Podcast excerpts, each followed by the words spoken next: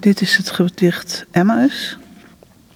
Twee mannen onderweg, druk gesticulerend, opgewonden, elkaar bevragend, zo de Morris is, op weg naar Emmaus.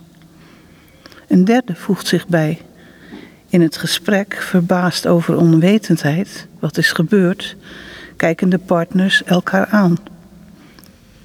Weet u het niet?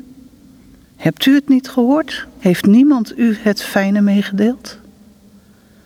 De man schudt lopend naast hen voort het hoofd, begint met grote liefde zijn verhaal.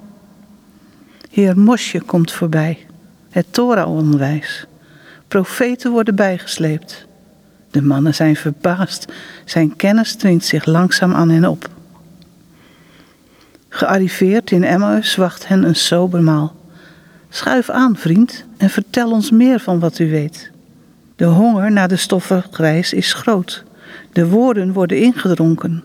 De beker in zijn hand geheven, de braga gesproken. Het brood gedeeld. Dan volgt een stilte, die de mannen om zich heen doen zien. Verbijsterd merken zij de leegte op. De vreemde die hun aandacht trok, is in het niets als opgelost. Verdwaasd aanschouwen zij de ruimte. Plots in het donker van de nacht breekt licht hun harten binnen. Een ongekende warmte overstraalt de woorden die hij heeft gedeeld. Ze vallen op de schedelplaats. Hun ogen glanzen van herkenning aan de tijd waarin zij samen volgden.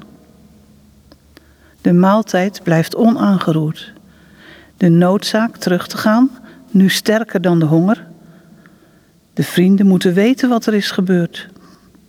Zo snellen zij Jeruzalem weer binnen. De duisternis van dagen achtereen maakt plaats voor eeuwig licht. De dood is overwonnen.